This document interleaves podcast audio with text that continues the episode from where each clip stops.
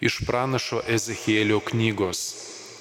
Angelas atvedė mane atgal prie įėjimo šventyklon ir štai iš po šventyklos lenkščio tryško vanduo ir tekėjo, tekėjo į rytus, nes šventyklos priekis buvo atkreiptas į rytus. Vanduo sroveno dešinėje šventovės pusę į pietus nuo altoriaus. Toliau mane angelas vedė pro šiaurės vartus ir nuvedė laukan prie išorinių vartų į rytus. Ir štai dešinę pusę čiurleno vanduo. Angelas man tarė, šitas vanduo teka į rytus, jis srovena žemyn į Arabą ir įbėga į jūrą, į drumzliną vandenį Tuo būdu nešvarus vanduo pasidaro sveikas. Kur toji upė pasiekia, ten visa, kas juda ir krūta, gali gyventi. Daug žuvų bus visur, kur tik vanduo tas atiteka. Jūros vanduo pasveiksta, kur tik srovė pasiekia, visa atgyja. Abiejose upės krantuose auga visokie vaismedžiai, jų lapai nevys ir niekad nebus jie be vaisiaus. Kas mėnuo jie ves vis naujų, nes vanduo tekės iš šventovės, vaisiai tik maistui, o lapai vaisiams, vaistams. Tai Dievo žodis.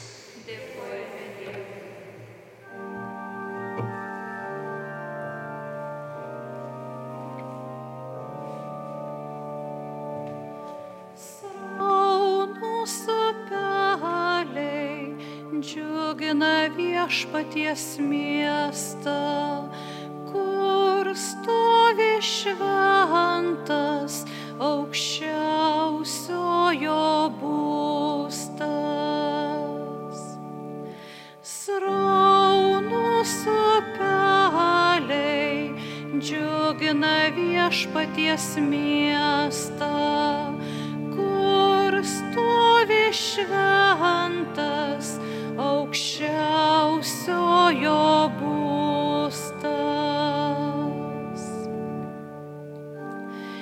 Dievas prieglauda mūsų tvirtovė,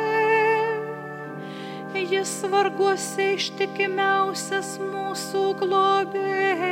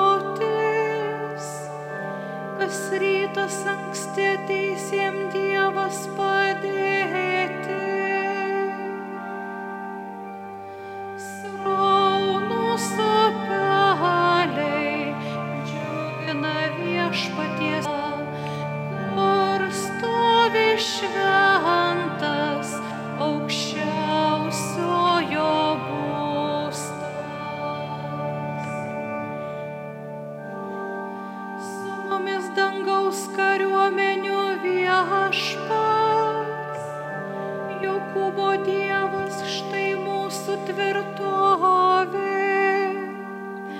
Eikit pasižiūrėkit, ką viešpats nuveikia, kokių stebuklų jis žemėje daro.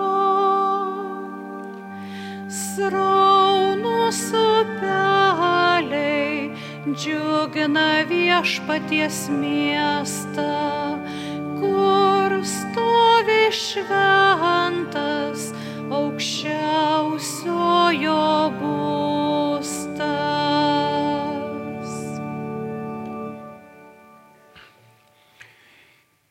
Šventojo Paštolo Pauliaus pirmojo laiško korintiečiams.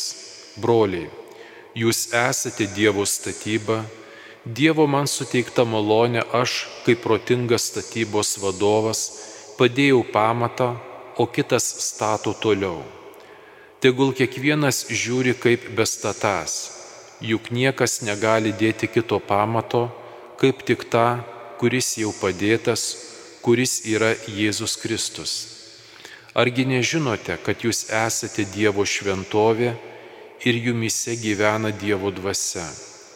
Jei kas Dievo šventovę sunaikintų, tą Dievą sunaikins, nes Dievo šventovė šventa ir toji šventovė tai jūs. Tai Dievo žodis. Dėkojame Dievui. Aleliuja, aleliuja, aleliuja. Aleliuja. Išsirinkau ir pašventinau šitą vietą, sako viešpats, kad čia mano vardas būtų per amžius.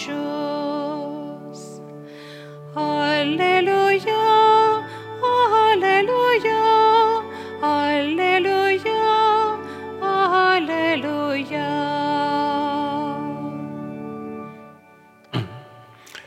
Viešpat su jumis. Iš Ventosios Evangelijos pagal Joną. Garbė tau viešpatie. Artėjant žydų Velykoms Jėzus nukeliavo į Jeruzalę. Šventykloje jis rado prekiaujančių jaučiais, avimis, balandžiais ir prisėdusių pinigų keitėjų. Susukęs iš virvučių rimbą, jis išvijo juos iš šventyklos išvarė avis ir jaučius, išbarstė keitėjų pinigus, išvartė jų stalus. Karvelių pardavėjams jis pasakė, pasimkite savo paukščius ir iš mano tėvo namų nedarykite priekybos namų. Jo mokiniai prisiminė, kad yra parašyta, uolumas dėl tavo namų sugrauž mane. Tuomet žydai kreipėsi į Jėzų sakydami, kokį ženklą mums galėtum duoti, jog turi teisę taip daryti. Jėzus atsakė, sugriaukite šitą šventyklą, o aš per tris dienas ją atstatysiu. Tada žydai sakė, 46 metus šventyklą statė, o tu atstatys ją per tris dienas, bet jis kalbėjo apie savo kūnos šventyklą. Tik paskui, jam prisikėlus iš numirusių, mokiniai prisiminė jį apie tai kalbėjus. Jie įtikėjo raštu ir Jėzaus pasakytais žodžiais. Tai viešpatė žodis. Šlovė tau, Kristau. Mėly žmonės, broliai seserys Kristuje, šiandien kartu su visuotinė bažnyčia mes švenčiame Laterano bazilikos pašventinimo šventę. Tai yra istorinis įvykis, kuris vyko susijęs su Laterano bazilika, tačiau jis kartu turi mums visiems, kiekvieno laikmečio ir mūsų laiko krikščioniui, katalikui, tikėjimo žmogui, bažnyčio žmogui, tam tikrą simbolinę ir teologinę dvasinę reikšmę kadangi Laterano bazilika, tai kaip sakoma, kaput omnium ecclesiarum galva, kiekvien, atspindys kiekvienos bažnyčios, kur mes esame kiekvieno krašto regiono parapija, bažnyčia, bendruomenė, kultūros kontekstuose esame visuotinės bažnyčios nariai.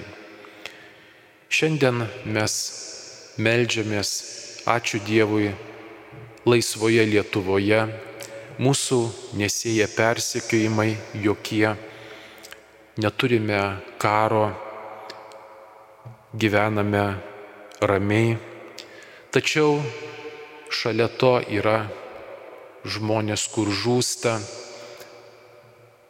visus vyksta dalykai, kitur yra tikėjimo žmogus, žmonės persekiojami įvairiose gyvenimo situacijose, kalėjimuose. Atrodo, išorinis gyvenimas triumfuoja, kaip pavyzdžiui komunistinėje Kinijoje, bet daug tikinčių žmonių, kurie nepaklūsta komunizmo režimui, viskupų kunigų, taip pat sėdi kalėjimuose daugybę metų, niekas apie juos nemini, apie juos nekalba, galbūt daugelis pamiršo, tačiau ir tai yra bažnyčia.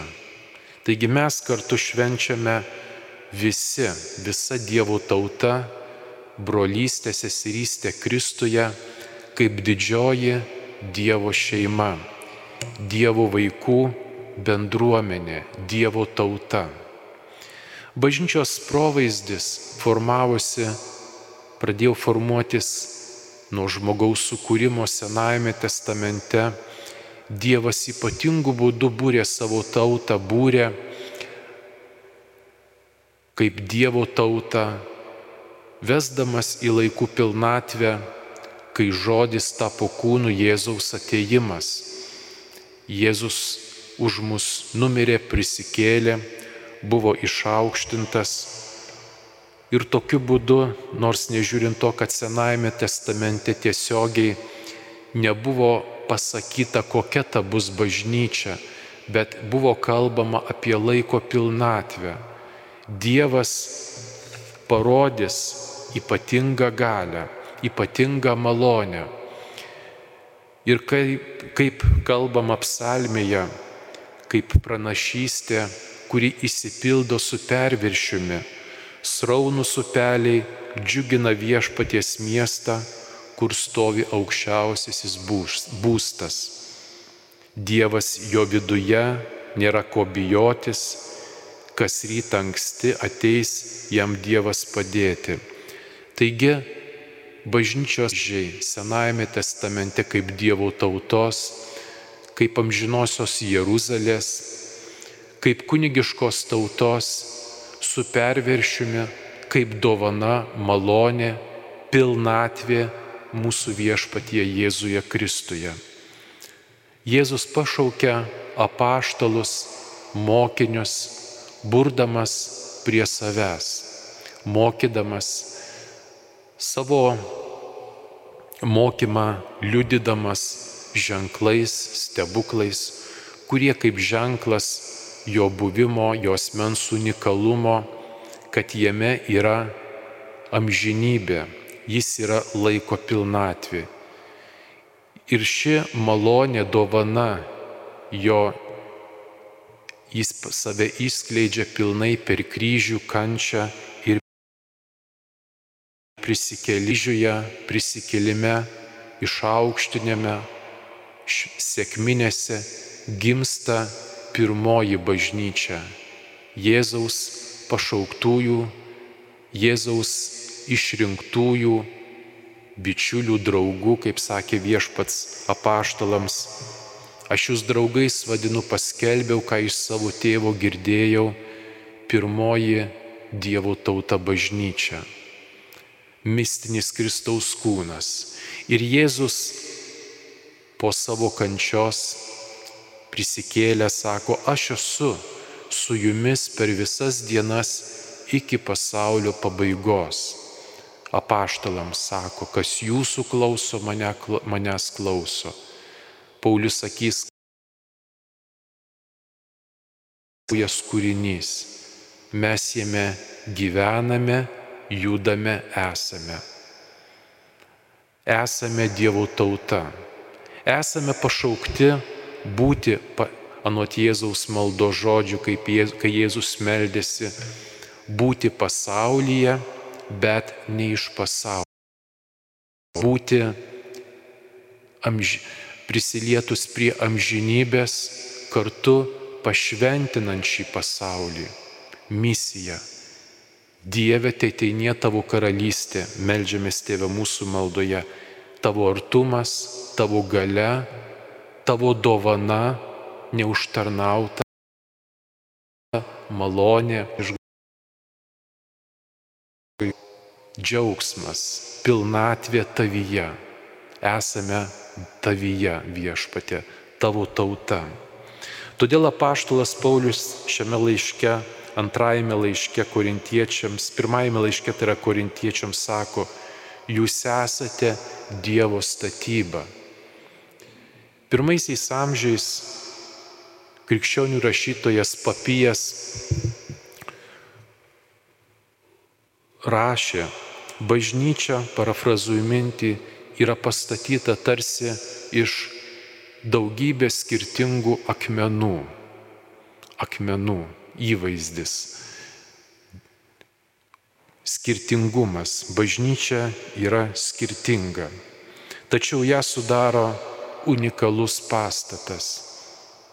Komentaras Dievo tautos, Dievo statybos tiksliau esame viešpaties išrinkti, viešpaties apdovanoti. Taigi tai yra didžiulis dalyka, e, dalykas, didžiulė dovana ir džiaugsmas.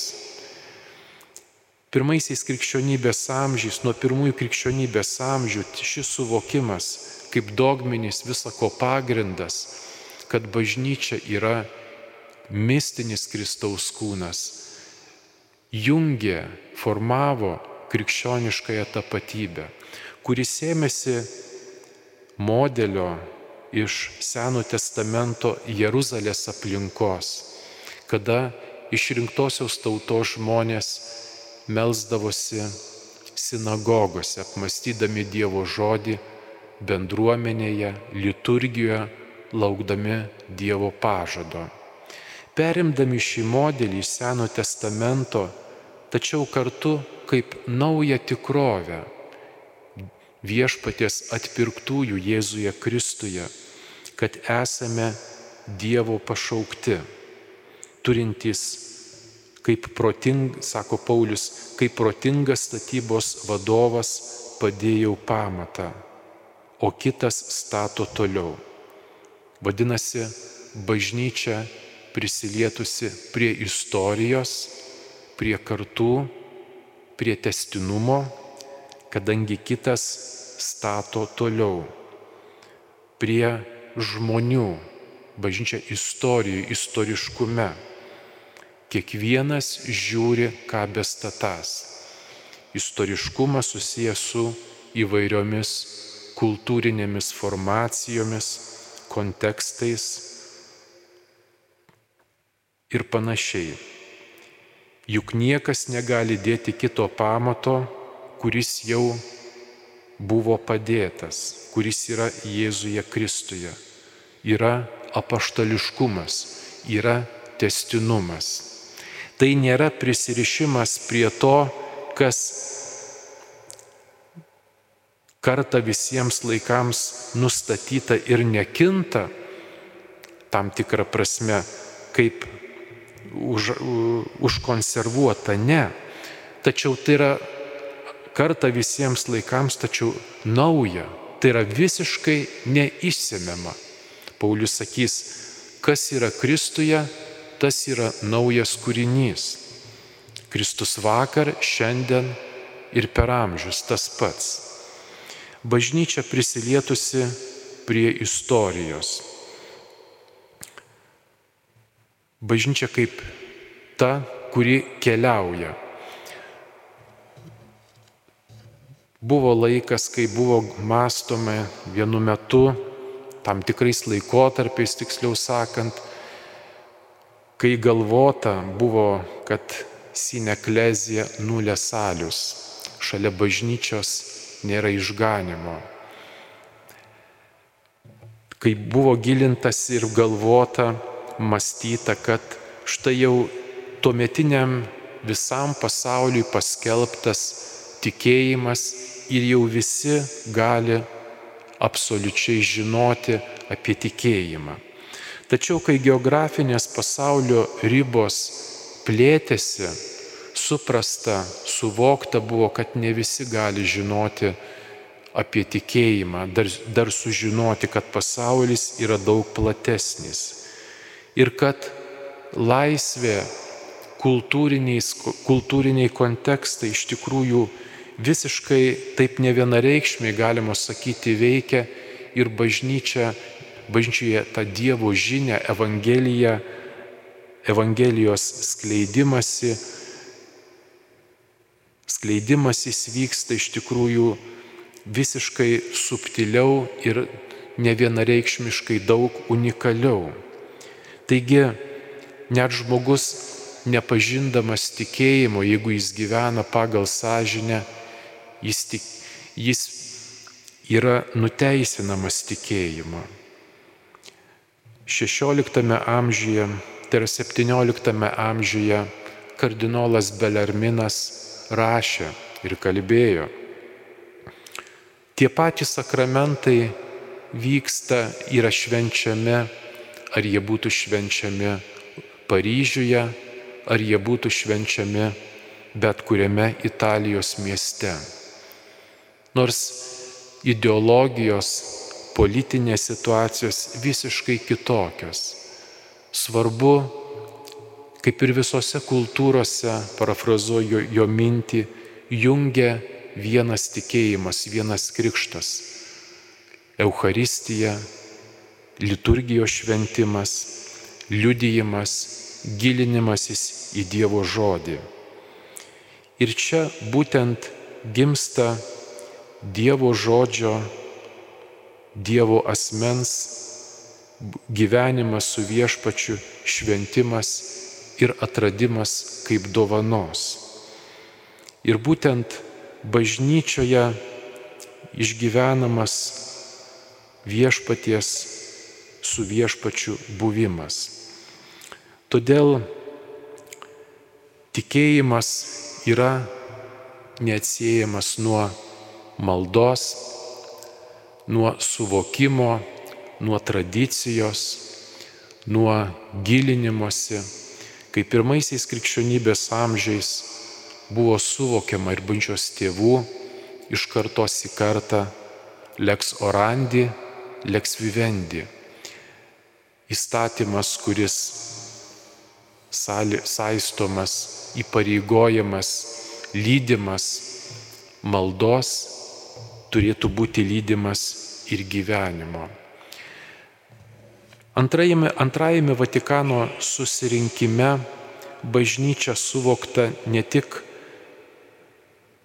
teisinė prasme, kanoninė prasme, bet ir egzistencinė, teologinė, dogmatinė kartu kaip Dievo tauta, kuri sudaryta iš įvairių asmenų, įvairių žmonių.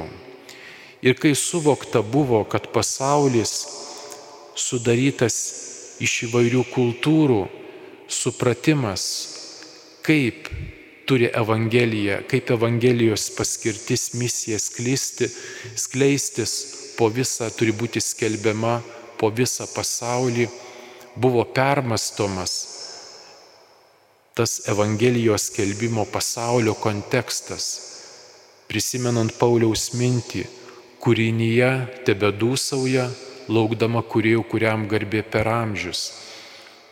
Vatikano antrajame susirinkime parafrazuoju mintį, mintis, jog ten, kur yra darbo, malda, kur yra krikščioniškų liudijimų, prieimimų kūrinijos, kartu kultūros, iš amžinybės perspektyvos, iš amžinybės šviesos, suvoktas, priimtas pasaulis, kartu laikinoms vertybėms suteikiant amžinai charakterį, kada tam tikros kultūrinės, filosofinės, ideologinės, sakykime, politinės, ekonominės struktūros, jeigu nepametant transcendentinio matmens, suteikiant, nepra, nepra, nepametant amžinojų charakterių, kas yra žmogus, kas yra Dievas, kas yra veikla, kas yra žmogaus kūrinyje, kultūra kuriama kasdienė, kasdieninė, technologijos. Tai čia yra Evangelijos skelbimo, skleidimosi vieta čia yra švenčiamas, kūrybiškai švenčiamas krikščionio gyvenimo šventimas. šventimas liudijant tikėjimą, gyvenant, pasaulį sukrikščioninant. Taigi čia yra didysis ir unikalus bažnyčios kelias. Kelias, bažnyčios kelias tai yra kelias į Dievą, die, link Dievo, kartu pašventinant žmogų ir pašventinant kūrinyje ir pasaulį. Taigi, atvirumas įvairioms charizmoms, atvirumas Dievo žiniai, kurią viešpats atsiunčia mums. Šiandien mes gyvename pasaulyje, kuriame daug informacijos, daug literatūros, žinios, žinių, didelis tempas ir šiandieninis žmogus ne visą laiką arba labai dažnai, sakyčiau, nebegirdi amžinybės balso, kuris buvo paprastai girdimas klasikinėje arba tradicinėje kultūroje, kur buvo tam tikras suvokimas konkretu, konkrečiai, kas yra amžinybė, kas yra laikas, kas yra į prasme. Daug dalykų šiandien tai, kas yra nekasdieniška, nebūtiška, nukeliama šventėms. Sako, neturiu laiko mąstyti apie prasme, turiu dirbti. Šiandien dažnai žmogus sako, neturys laiko. Neturiu laiko gerai knygai, geram spektakliui, nestatysiu gero spektaklio, nerodysim gero filmo, nes reikia tokį rodyti filmą ar spektaklį statyti, kuris būtų patogus šiandieniniam vartotojui. Šiandien reikia daug greitai viską suvalgyti, nes tad nerodysim kūrinių tam tikrų, nes visko reikia greit, kiekgi tu bus klausytojų arba žiūrovų ir panašiai. Tačiau čia vertėtų prisiminti klasikinę kultūrą, krikščionišką kultūrą. Žinoma, ir dabartinė kultūra yra krikščioniška. Ji gali būti krikščioniška ir yra krikščioniška ten, kur yra krikščionis. Ten, kur šio laikinėme judėjimo, srautų, begalinio bėgimo pasaulyje galbūt vyksta kultūrų kitoniš, kitoniška sklaida, kur krikščionis pašventina tam tikrą, sakyčiau, krikščionišką filosofinę, teologinę gyvenimo, teologinę išmintimi, kūrybiškumu įneša į laiko bėgimą amžinybės charakterį, pašventina. Ir būtent e, šiandien taip pat Dievas veikia kaip ir anksčiau, kaip ir tada prisikėlęs Kristus sakė, aš esu su jumis. Ir būti šio laikinėme pasaulyje, šio laiko pasaulyje, šio laiko iššūkiuose, liudijant gyvąjį Dievą. Ir būtent taip liudijant gyvąjį Dievą, Evangeliją sušiandieninti, kad ji taptų gyva Tačiau labai svarbus momentas yra šiandien, šiandien tylos klausimas. Gyvename begalinėme triukšme. Krikščioniškoje tradicijoje tai, kas buvo suprantama, kas yra suprantama, pagalvok apie mirtį, tyla, kuri buvo pat ir yra vienuolynuose, tikiuosi dar ir seminarijose yra silenciumas vertinamas. Tai yra tie momentai, kurie mums padeda nutilti, kurie žmogui padeda nutilti, padėdavo kasdienybės darbuose. Tik tyloje, nutilęs nuo kasdienio bėgimo, žmogus gali kažką tai sukurti. Meniško, mokslo srityje, jeigu linkęs į mokslą, tik tyloje. Ir šiandieninėme, šiandieninėme triukšme mes per daug, per mažai tiksliau apie tai kalbame. Šiandien pasaulyje daugybė prirašyta pigios, sakyčiau, lektūros, kur visą laiką buvo žmogui suprantami dalykai nutilti, kai įeiname į bažnyčią nutilti, nurimti, tam tikras silenciumas, nutilti maldos akimirkoje Dievas mane regi, mus regi, girdi, prieš išpažinti turiu susikaupti. Šiandien labai dažnai daug dalykų vyksta paviršutiniškai. Noriu greito stebuklo, noriu greitai pamatyti Dievo valios, noriu išmokti baigti universitetus be knygų, užtenka interneto, noriu greit čia ir dabar be gilinimosi, be studijų, be analizės, suvokti, kas yra kas, tačiau be darbo, be tylos, be kontempliacijos šiandieninis žmogus sunyksta, šiandieninė kultūra sunyksta. Ir tokiu būdu, tokiame pasaulyje žmogus nebegirdi, nebegali peržengti savęs, nebegirdi transcendencijos toje kasdienybės tame bėgime, kuri būtina tyloje, šeimoje, tiksliau, šeimoje, kunigystėje, visuomeninėme gyvenime, staptelint kas aš esu. Surikiuojant savo žinojimą, savo kultūrinį paveldą, psichologinės būsenas, kas aš esu čia ir dabar konkrečioje tikrovėje. Taigi tik tai tokiu būdu žmogus gali suvokę save būti atviras ir amžinybės balsui. Sakyčiau, bažnyčios dvasiniai turtai, į ką šiandien, ką šiandien bažnyčia taip pat gali ir pasiūlyti iš savo dvasinio lobino, kuris kyla iš Jėzaus Kristaus asmens unikalumo, gyvenimas su viešpačiu, gyvenimas gilinantis į jį, gyvenimas iš tos krikščioniškos tradicijos, kai staptelim amžinybės perspektyvoje.